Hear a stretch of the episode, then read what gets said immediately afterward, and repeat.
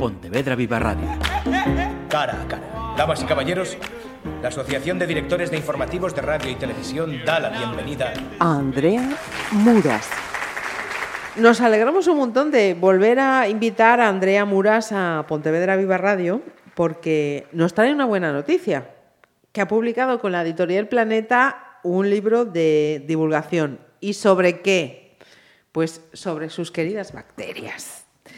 Eh, lleva por título La guerra contra las bacterias, una historia de ciencia, pero sin ficción. Como en sus redes eh, sociales, Ciencia Miuda, esta doctora en microbiología nos trae de forma didáctica un montón de cuestiones relacionadas con las bacterias. Lo primero, Andrea, eh, bacterias no, pero los virus han, han anidado en mí y, por eso tengo esta voz tan horrorosa, te pido disculpas. Y vamos a hablar de las bacterias, porque yo me lo he estado mirando y mm, ya nos lo habías dicho en alguna ocasión.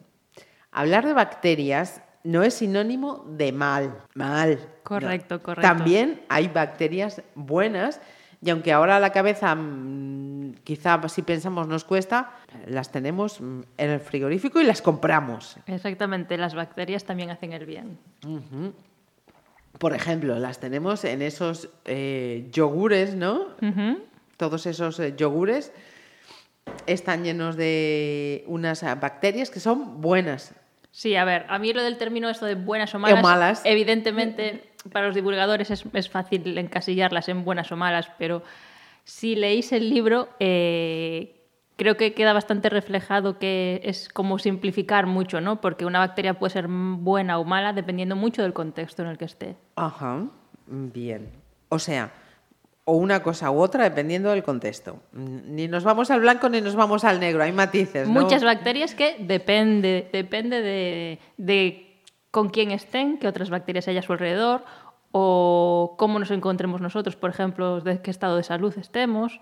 No va a ser lo mismo, una, misma bacteria va a actuar diferente si nosotros estamos completamente sanos o si tenemos alguna enfermedad, por ejemplo, de base. Ajá, bien. Incluye muchos datos muy curiosos. Yo he ido anotando eh, algunos que me han dejado. ¿Eh? ¿Es posible que en un centímetro cuadrado de nuestra piel haya más de un millón de microbios.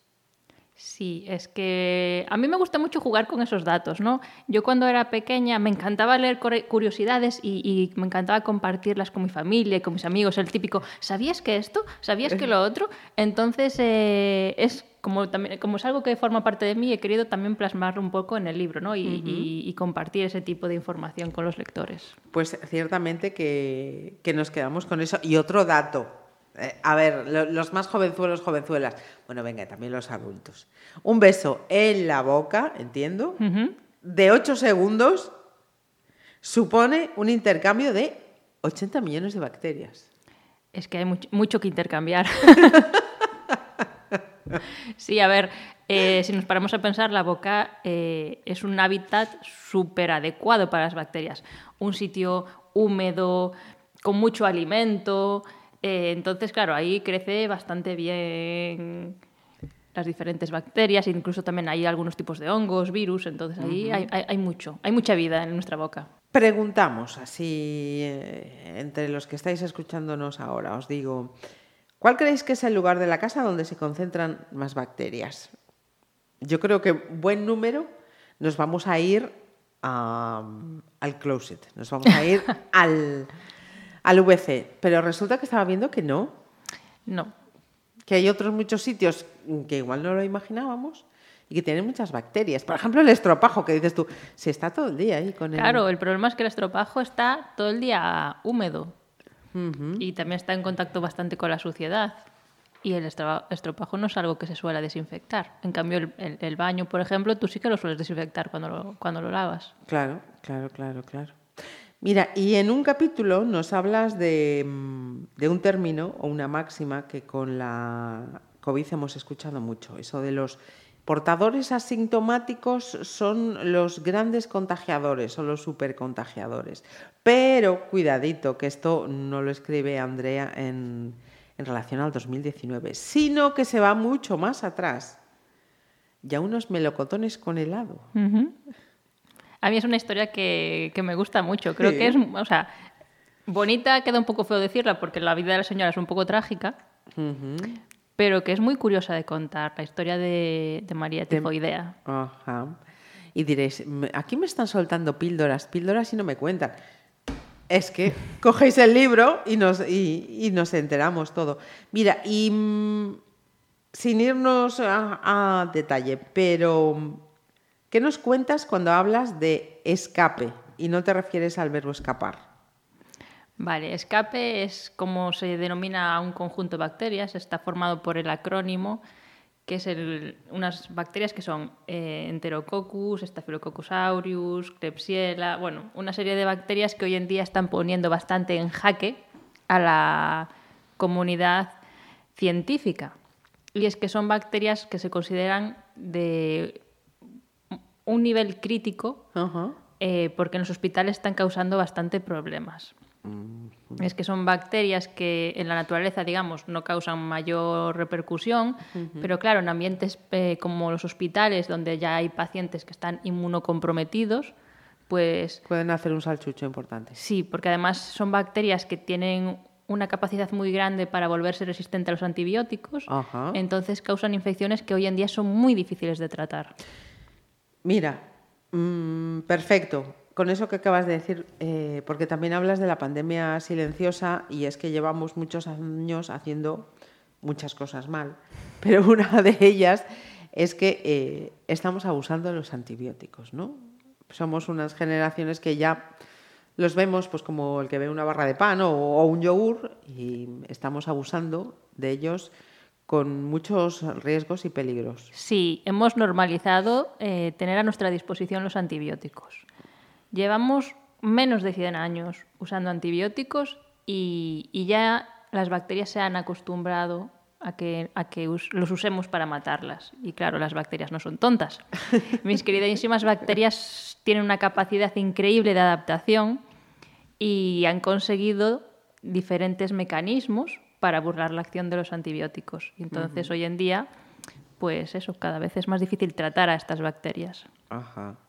Y nos dices también que el cambio climático eh, también afecta a las bacterias. Por supuesto, hoy en día deberíamos de tener ya muy claro que o sea, prácticamente no, todo en esta vida está conectado. Y evidentemente lo- la contaminación, esta crisis climática que hace que, que se vuelva el clima un poco loco, va a afectar a las bacterias, porque las bacterias viven en este planeta. Entonces van a cambiar pues la forma en la que nosotros nos exponemos a la naturaleza y entonces también vamos a estar más expuestos a esas bacterias ambientales, también vamos a estar más expuestos a, a partes salvajes del planeta porque la población va a aumentar, vamos a necesitar vivir en más sitios, vamos a necesitar tener más cultivos, eso nos va a poner más en exposición a tierras salvajes donde va a haber bacterias que quizás nunca nos expusimos a ellas. Bueno, en el capítulo lo explico un poco, pero es algo realmente bastante complejo. Bueno, pues en, en estos minutos de charla os hemos estado dando unas pinceladas para que veáis que Andrea, de forma amena, didáctica y entretenida, pues nos va contando muchas cosas eh, de, de sus amigas las bacterias.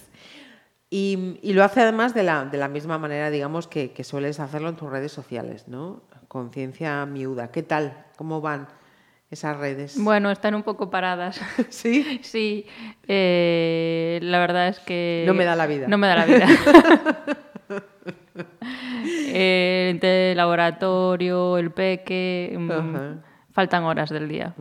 Es que la última vez que habíamos hablado con, con Andrea, eh, le estaba preguntando antes de abrir micros, le digo, oye, te tengo que dar la enhorabuena porque eh, he visto que hay una criaturita por ahí que creo que la última vez que hablamos no estaba. Y efectivamente. Efectivamente. Además, eh, si no me equivoco... no, si algo no me en el libro se no, dice, sí. Efectivamente, efectivamente. Hay referencias a él y a otra persona que también supongo es, es, importante.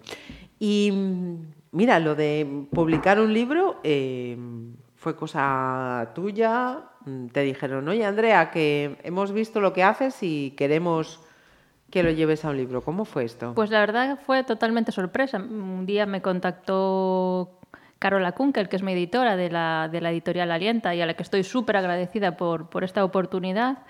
Y, y, la verdad es que, a ver, me lo tuve que pensar porque era una gran responsabilidad, ¿no? Sobre todo hablar de las superbacterias que hoy en día hace falta mucha información para que la población entienda realmente qué está pasando, pero no podía desaprovechar eh, poder hablar de mis queridísimas bacterias a, ese nivel, ¿no? Y, y entonces, pues, la verdad es que tenía bastante claro cómo quería estructurar el libro, porque me basé en una charla que había dado una vez y que me gustaba mucho cómo fluye la historia, porque a veces lees libros de divulgación y son como bloques muy cerrados, ¿no? Y yo quería como que fuera así más fluido, en plan como que el lector fuera dejándose llevar a lo largo del libro. Sí, sí, y ciertamente así es. Efectivamente, hemos ido dando pinceladitas para que os hagáis una idea de, de por dónde va entrando, pero ciertamente es que, es que sí, se lee, se lee de forma amena. Además, tiene cada capítulo va con su página de... Sí, era algo que tenía bastante claro, que era eh, terminar cada capítulo con unas infografías que dieran unas pequeñas pinceladas, eso, de, que, de las cosas curiosas que había en el libro. La verdad es que creo que ha quedado súper bien, las hizo mi amiga Cirenia, que es ilustradora científica, ah. y con la que alienta, no dudo en, en incorporarla al proyecto y la verdad es que estoy muy satisfecha con, con, lo que ha salido de ahí. Está genial porque además eso, terminas el capítulo, ves esas eh, ilustraciones, digamos que refuerzas, ya te queda perfectamente lo que acabas de, leer. Eh, lo tenemos ya en las librerías, ¿no, Andrea? Sí, Salió a la venta el pasado miércoles 26 de abril. ¿Vas a hacer alguna presentación así algo especial? pues, pues me gustaría, me gustaría, me gustaría hacer una presentación en Pontevedra porque es donde vive prácticamente toda mi familia y sé que a ellos les haría mucha ilusión. Eh, ahora mismo estoy hasta arriba de trabajo en el laboratorio, entonces tengo que gestionar un poco, pero, pero sí, pero bueno, mm, en cuanto lo tenga todo planificado ya lo avisaré por redes.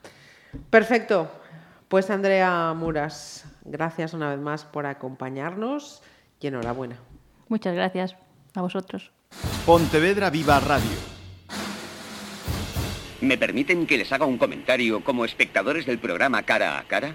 Según un reciente sondeo de mercado, ustedes disponen de estudios e inteligencias superiores a la media. Sus intereses abarcan desde la actualidad mundial y la ciencia hasta el deporte y los espectáculos.